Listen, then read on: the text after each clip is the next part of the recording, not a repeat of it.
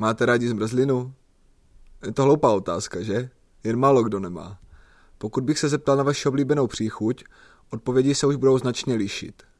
Stejně tak rozdílná by byla odpověď na otázku, jaká je vaše nejoblíbenější značka zmrzlin. Mnoho z vás by odpovědělo Hagendas, nebo například Magnum, ale věřím, že také velká část vás by odpověděla Ben Jerry's. Pokud bych se na stejnou otázku zeptal v Americe, tak by na prvním místě v žebříčku nejčastěji zazněla zmrzlina Ben Jerry's. Jak už název napovídá, celá zmrzlina je pojmenována po dvou přátelích, kteří se rozhodli založit malou zmrzlinárnu.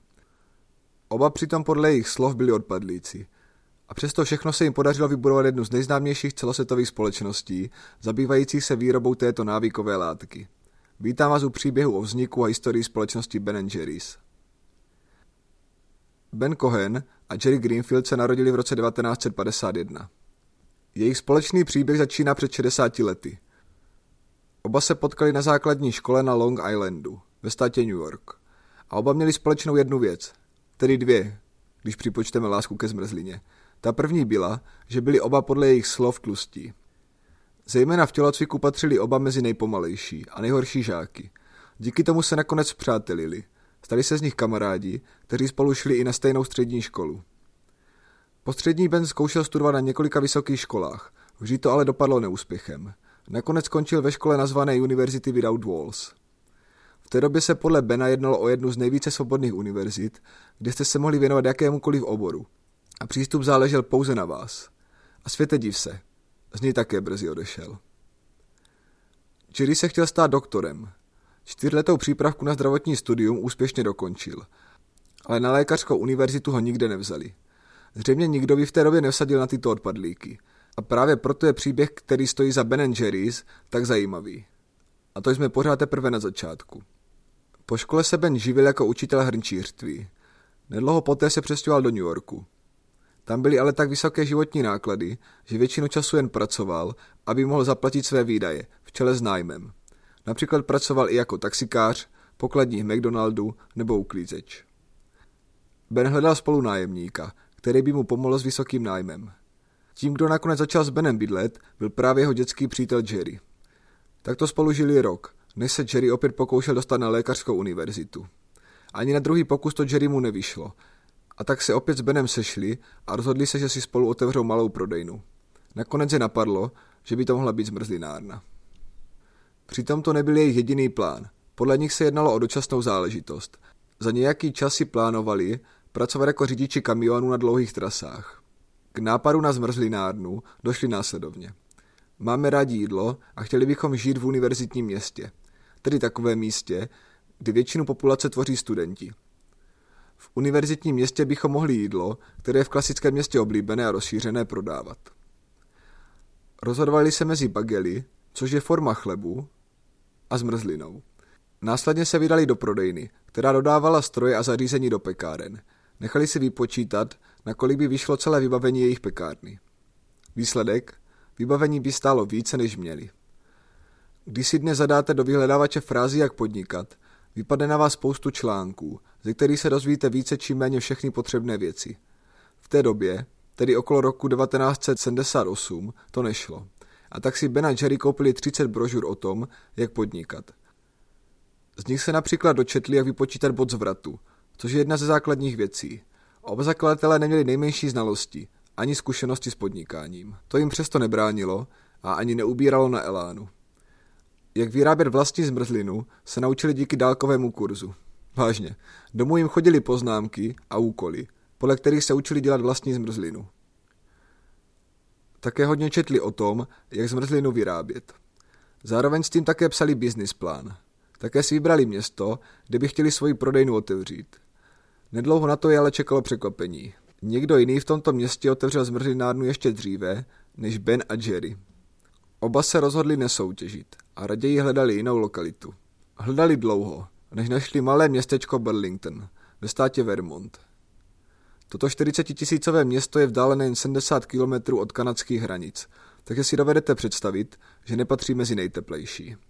Naplánovali si, že by první rok chtěli vydělat 20 tisíc dolarů a podle Jerryho jim to zabralo hodně času, než se to podařilo. Pokud si chcete otevřít jakýkoliv kamenný obchod, jednou z nejdůležitějších věcí, které není dobré podcenit, je umístění.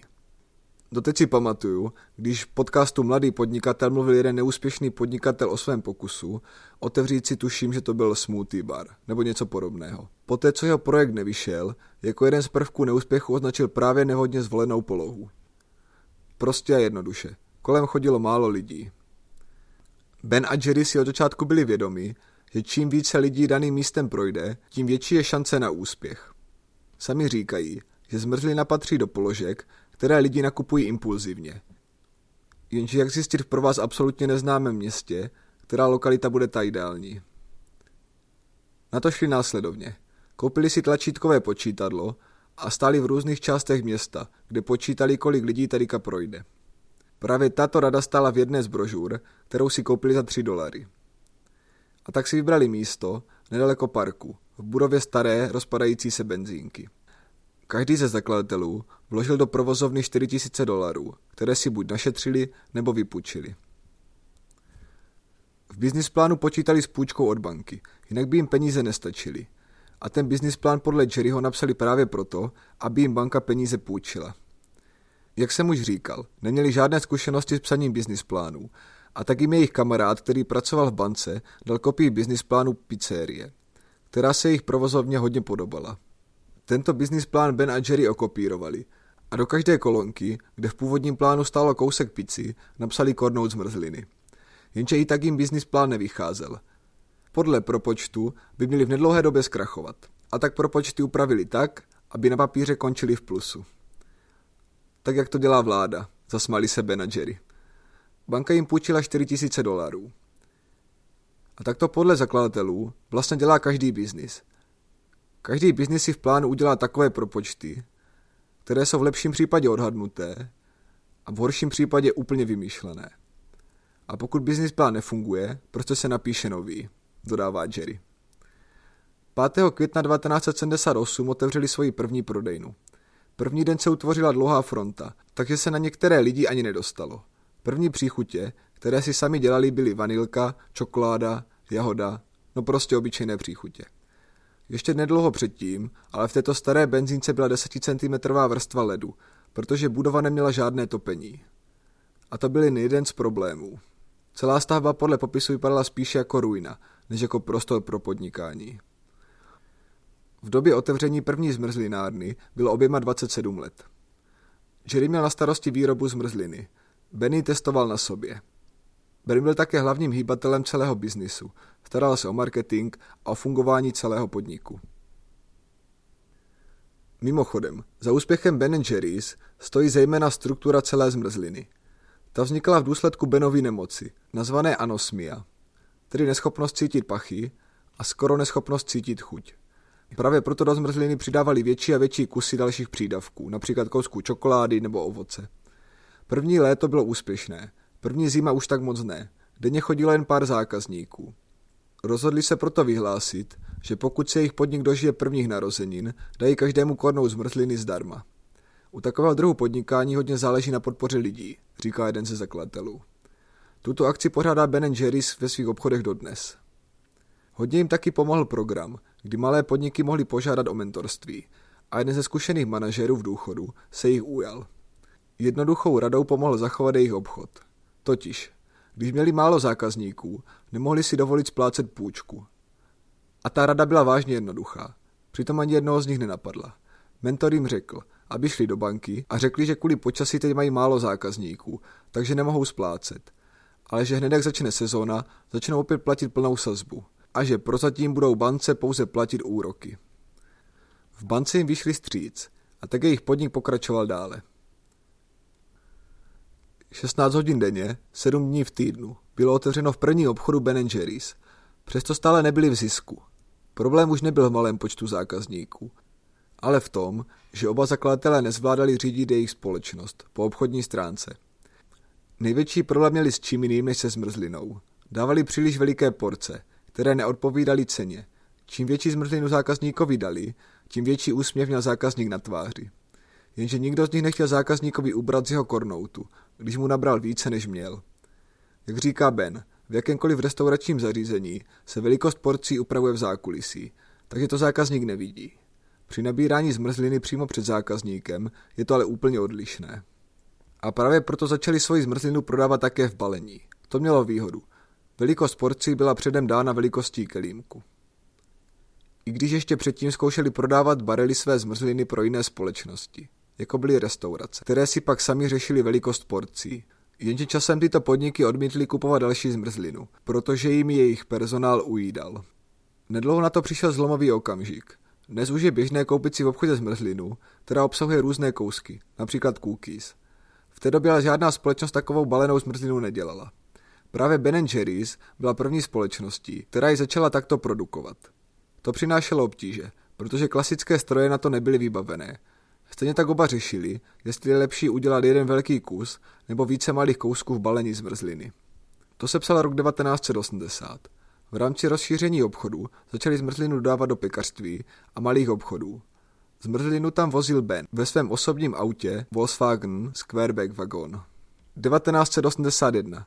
Vysoce čtený a vlivný časopis Time označil Ben Jerry's jako nejlepší zmrzlinu na světě. Poptávka po Ben Jerry's stoupla. Došlo k otevření první francízové pobočky v Shelburne, rovněž ve státě Vermont. V roce 1983 Ben Jerry's na náměstí ve St. Albans uspořádali akci nazvanou největší zmrzlinový pohár na světě. Váha celého poháru byla více než 12 tun a na celé akci se sešlo hodně lidí. Za chvíli pochopíte, proč byla pro Ben Jerry's klíčová právě lokální komunita. V tom samém roce, tedy 1983, koupila společnost Pillsbury konkurenta Ben Jerry's. Tím konkurentem byl Häagen-Dazs. Pillsbury měla tlačit na ostatní distributory, aby nekupovali produkty od Ben Jerry's. Jinak jim už nebude prodávat své produkty Häagen-Dazs. Pillsbury byla obrovská společnost, hodnotě 4 miliard dolarů, která později přešla pod Nestlé. Zatímco Ben Jerry's byla v tuto dobu stále malá společnost s tržbami 4 miliony dolarů. Proto oba zakladatelé právní spor vyloučili a raději se rozhodli pro marketingovou kampaň. David versus Goliáš. Pokud jste slyšeli minulý díl o Netflixu, tak víte, co myslím. Ben Jerry's rozjeli akci nazvanou What's the Doughboy Afraid of? Neboli česky Čeho se Doughboy obává? Doughboy byl maskot Pillsbury, bílá postavička s kuchařskou čepicí. David, respektive Jerry, se vydal s transparentem, na kterém bylo ručním písmem napsána tato otázka před centrálu Pillsbury. Stejně tak tento slogan dávali na své kelímky se zmrzlinou. Za 10 dolarů prodávali triko s tímto sloganem a nálepkou na auto. Také si zaplatili letadla, které s tímto transparentem létaly nad sportovními akcemi. Na autobusy dali reklamu, na které byly dvě bílé ruce škrtící zmrzlinu Ben Jerry's a slogan, který zněl Nenechte dolary Pillsbury, aby uškrtili Ben Jerry's zmrzlinu. Čeho se Doughboy obává? Jednalo se o levnější a zřejmě také jistější způsob, jak na celou kauzu poutat pozornost veřejnosti, než kdyby se chtěli Ben Jerry's s Goliášem soudit. Navíc celé pojetí bylo velmi originální, slogan byl krátký a lidi přiváděl k zvědavosti. Jenže zvědavost je jedna věc a schopnost vyvolat v cizích lidech pocit, že mají vaší firmě pomoci, je věc druhá. Takže i přesto všechno bylo Ben Jerry stále na mrtvém bodě. A co bylo více rebelské než rock and roll? A právě Ben i Jerry oba patřili do kategorie rebelů a hippíků, kteří bojují proti obrovi a klasickému zažitému pořádku. Rozhodli se umístit skrytou reklamu v časopise Rolling Stones, ve které stálo Pomocte dvěma vermonským hippíkům v boji proti korporátnímu obrovi. Zašlete jeden dolar a dostanete nálepku, čeho se Doughboy obává. A přesto všechno to pořád nestačilo. Nastal další pokus. Nálepku, čeho se Doughboy obává, začali dávat do balení svých zmrzlin. Navíc přidali telefonní číslo, kde mohli zákazníci slyšet, jak se Ben a Jerry baví o tom, co jim Pillsbury provádí. Také nabídli zákazníkům, že když jim nechají telefonní číslo, tak jim pošlou Doughboy sadu, která obsahovala mimo jiné dopisy adresované představenstvu Pillsbury a obchodní komisi Spojených států. Až tento pokus zabral a Ben Jerry začali dostávat okolo 100 hovorů denně. Zajímavostí je, že jich nejvíce bylo mezi 12. a 3. hodinou raní. Podle Bena to bylo zřejmě kvůli tomu, že v tuto dobu lidé nejčastěji jedli jejich zmrzlinu. Vedení Pillsbury zaplavili dopisy a nedlouho na to o celé kauze začali psát velké noviny. Přišel zlom, kdy Pillsbury povolilo svým odběratelům, aby mohli také kupovat produkty od Ben Jerry's. Společnost se tak dostala z nejhoršího a začalo se jí dařit. Poptávka po Ben Jerry's přesahovala jejich výrobní kapacitu a tak se rozhodli otevřít novou linku. K možnosti investovat do nové linky přizvali také vermonské zákazníky. Jejich plán byl podle místních právníků až zbytečně složitý, ale nakonec se jim podařilo ho prosadit. Ben Jerry's nabídli za 600 tisíc dolarů 17,5% akcí společnosti komukoliv. Jediná podmínka byla, že musel pocházet z Vermontu. Další odměna pro obyvatele státu Vermont přišla o rok později. Společnost se rozhodla každý rok dát 7,5% nezdaněného zisku na různé komunitní a sociální projekty. Sami zakladatelé se nikdy nepovažovali za podnikatele. Jak už jsem říkal, byli spíše hippíci, kteří jen prodávali zmrzlinu. Stejně tak se v práci nepovažovali za šéfy, protože podle nich pracovali úplně stejně jako ostatní jejich zaměstnanci. Stejně tak je nebavila práce okolo Ben Jerry's, tedy nábor lidí, jejich řízení a propouštění. Začali proto přemýšlet, že by celou společnost prodali. Při hledání kupce Ben narazil na jednoho zkušeného pána, který mu poté, co si vyslechl, proč chtějí Ben Jerry's prodat, řekl, že pokud se mu nelíbí způsob, jakým je obvykle řízený biznis, měl by zkusit to udělat po svém. A tak se Ben a Jerry rozhodli udělat pokus. Chtěli zkusit podnikat takovým způsobem, který by zlepšoval život všech lidí okolo. Například zavedli limit, kdy nejvíce vydělávající zaměstnanec nemohl vydělávat více než pětinásobek nástupního platu. Pro své zaměstnance udělali školku nebo přispívali na studium na vysoké škole. Dnes už mnoho těchto benefitů nabízí hodně firem. Dříve se ale jednalo o docela výjimečný přístup. Stejně tak se rozhodli oba zakladatelé pro využití svého biznisu jako určitého prostředku, jak do světa sdělit své postoje na různé témata, například na sociální problémy. Dále jejich cookies začali vyrábět bývalí vězňové v rámci programu na začlenování se zpátky do společnosti. V roce 1986 společnost zakoupila dodávku, na kterou nastříkala zelenou louku a krávy. Dodávce začali říkat kaumobil. Tato dodávka na různých místech dávala lidem zmrzlinu zdarma. Její život ale dlouho netrval, protože na zpáteční cestě zhořela. Dva roky na to byli oba zakladatelé pozváni do Bílého domu, kde jim prezident Reagan udělil cenu pro amerického podnikatele roku v oblasti malých firem. 1991. Chocolate Chip Cookie Dough. Nejoblíbenější zmrzlina Ben Jerry's se zrodila docela náhodou. Už v roce 1984 ji někdo napsal v obchodě na lísteček, kam lidé mohli psát své náměty na příchutě. V té době měla zmrzlina jen tuto příchuť, ale až v roce 1991 se podařilo zavést do výroby i balení, které obsahovalo kousky koláčkového těsta. V roce 2000 koupil nadnárodní koncert Unilever společnost Ben Jerry's.